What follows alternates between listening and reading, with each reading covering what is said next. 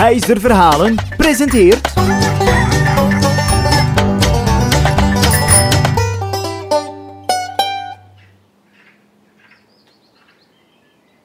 In Beurenstein, een klein landje duizend miljard kilometers verder, liep de prins buiten in de achtertuin van het gigantisch kasteel. In de tuin stond er in het midden een torenspits waarin hij honderden trappen moest beklimmen om zo te kunnen genieten van het beste uitzicht ooit. Ook nu klom hij zijn trappen op en kon hij kijken naar alle mensen die precies kleine mieren waren. Hij keek verder in de horizon en daar stond ver een blauw paleis waar niemand weet waarvoor het dient. Uiteraard wilde de prins er het fijne van weten en vroeg hij vaak af hoe het moet zijn om daar in zo'n mooi paleis te kunnen wonen. Hij begon luidop te praten en vroeg tegen zichzelf: hoe kan ik daar toch binnen geraken? Ja, de lakij die hoorde zijn vraag en zei: door armoede en nederigheid. Ja, natuurlijk is een prins daar het tegenovergestelde van. Maar de lakij bood zijn gescheurde kleren aan en zei dat hij zeven jaren lang door de wereld moest zwerven om zo ellende te leren kennen. De prins mocht volgens hem ook geen geld aannemen. En als hij honger had, moest hij maar smeken bij mensen voor een stukje brood. En de prins nam het bod aan en vertrok zo de wijde wereld in. Geen enkele inwoner herkende hem nog door zijn vuile kleren en vies uiterlijk. En zeven jaar later kwam hij terug naar het kasteel waar hij woonde. Maar ook daar herkende niemand hem nog. Hij kwam aan en trommels begonnen te trommelen door de dienaren. Hij zei tegen de dienaren die aan de poort stonden: Ga naar boven en zeg tegen mijn ouders, de koning en de koningin, dat ik ben teruggekeerd. En natuurlijk geloofden de dienaren de prins niet en ze schoten beiden in de lach. Uh, haal mijn broers dan, ik wil ze graag nog eens zien.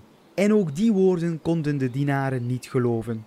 Toch ging één dienaar naar de broers en vertelde hij alles. Helaas geloofden ook de broers niet dat hij terug was. De prins besloot om een brief te schrijven naar de koningin, zijn moeder.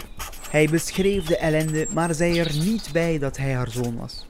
De koningin ontving de brief en had erg medelijden met de jonge gast en liet hem binnen in het kasteel. De prins kreeg een vaste plek onder de trap en elke dag kreeg hij van een van de dienaren een lekker ontbijtje. Maar die dienaar die dat moest doen was een slechte man. Hij vroeg zich steeds af waarom iemand als hij eten verdiende en hield zo het ontbijt voor zichzelf. Hij gaf enkel en alleen een glaasje water aan de prins onder de trap. En de prins werd elke dag zwakker en zwakker omdat hij geen eten kreeg. En plots. De bel van het kasteel. Een koninklijke van een ander land kwam binnen in het kasteel en liep de trap op. Zijn schoenen waren vuil en de prins die onder de trap lag werd vies door het slijk dat loskwam van zijn schoenen. De man van hoge status kwam voor de koning en de koningin en meldde het nieuws dat zijn trouwe vriend, zijn favoriete dienaar, het afgetrapt is om terug bij zijn vrouw te gaan wonen en hij vroeg nu voor een nieuwe dienaar. Natuurlijk wilden de koning en de koningin niemand helpen van een ander land, dus gaven ze de prins mee die onder de trap leefde mee met hem. Hij zou zijn nieuwe dienaar worden en voor de rest van zijn leven bij hem wonen. De poorten sloegen dicht en de prins stapte in een fantastische koets met voorin de koning van een ander land. De reis duurde uren en uren. De prins viel in slaap en zag niets van de reis. Maar plots. Het paard hennikte heel hard waardoor hij wakker werd en nu dacht hij dat hij droomde. Hij keek door het raampje van de koets en zag het blauwe paleis.